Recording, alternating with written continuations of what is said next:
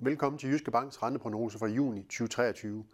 Vi har set betydelige rentestigninger over de seneste uger, øh, blandt andet drevet af en stigende risikoappetit og også stadigvæk fortsat højeagtige centralbanker.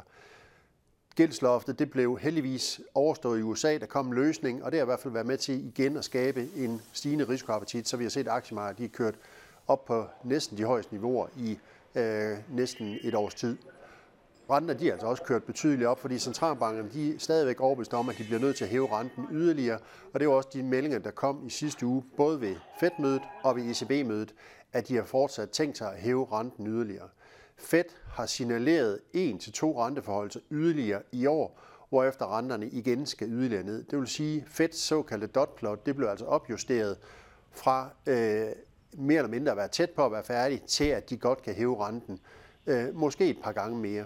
Jyske Banks prognose er, øh, at Fed de faktisk er færdige. Så det betyder sådan set, i det scenario, skal vi altså til at se nogle betydeligt lavere eller svagere øh, nøgletal, end det, der egentlig ligger i kortene i markedet. Fordi markedet de er altså overbevist om, at Fed de i hvert fald hæver renten en gang yderligere.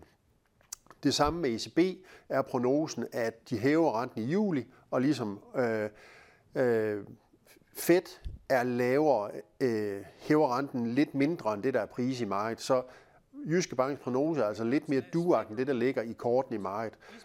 Øh, risikoen ligger altså klar til, at renterne de bliver hævet i juli fra Fed, og også i øh, måske et par gange mere fra ECB, som så derefter kan begynde at i hvert fald holde renten uændret i en periode.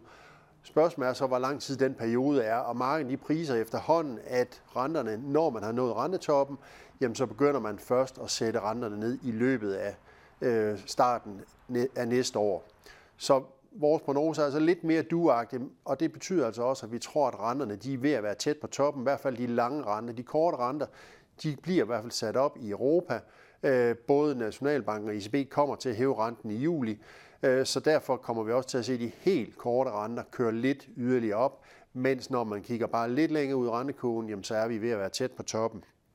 Nøgletallene, især fra USA, bliver derfor utrolig vigtige over de næste øh, uger, hvor især inflation og arbejdsmarkedsrapporten øh, for øh, juni selvfølgelig bliver utrolig vigtige i forhold til, om Fed de nu kommer til at hæve renten øh, ved det næste rentemøde, eller som øh, Jyske Banks prognose er, ikke øh, hæver renten yderligere i den her rentecykel, og det næste, de skal gøre, det er altså er at sætte renten ned med 200 basepunkter øh, næste år.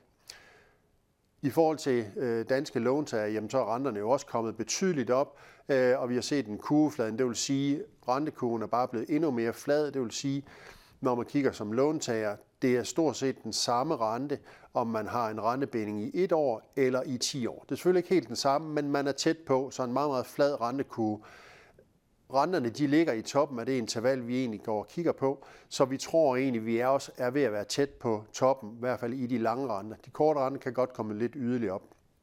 Så det betyder, at man som låntager, jamen så skal man jo spekulere over, hvor lang rentebindingsperiode vil man have i en fast rente. Vores vurdering er, at hvis renterne, den næste store rentebevægelse, det er nedad, jamen så skal man jo have en relativt kort rentebinding i 1, 2 eller 3 år, eller måske endda helt variabel forrentet lån. Man skal i hvert fald undgå den helt lange ende, eller i hvert fald have et konverterbart lån, hvor det stadigvæk er 5%'eren, hvor man så har mulighed for at kunne nedkonvertere til en lavere kupon, hvis renterne skulle falde. Det er i hvert fald vores øh, umiddelbare vurdering i forhold til, til vores øh, risikobillede og i forhold til vores prognose. Tak fordi I så med.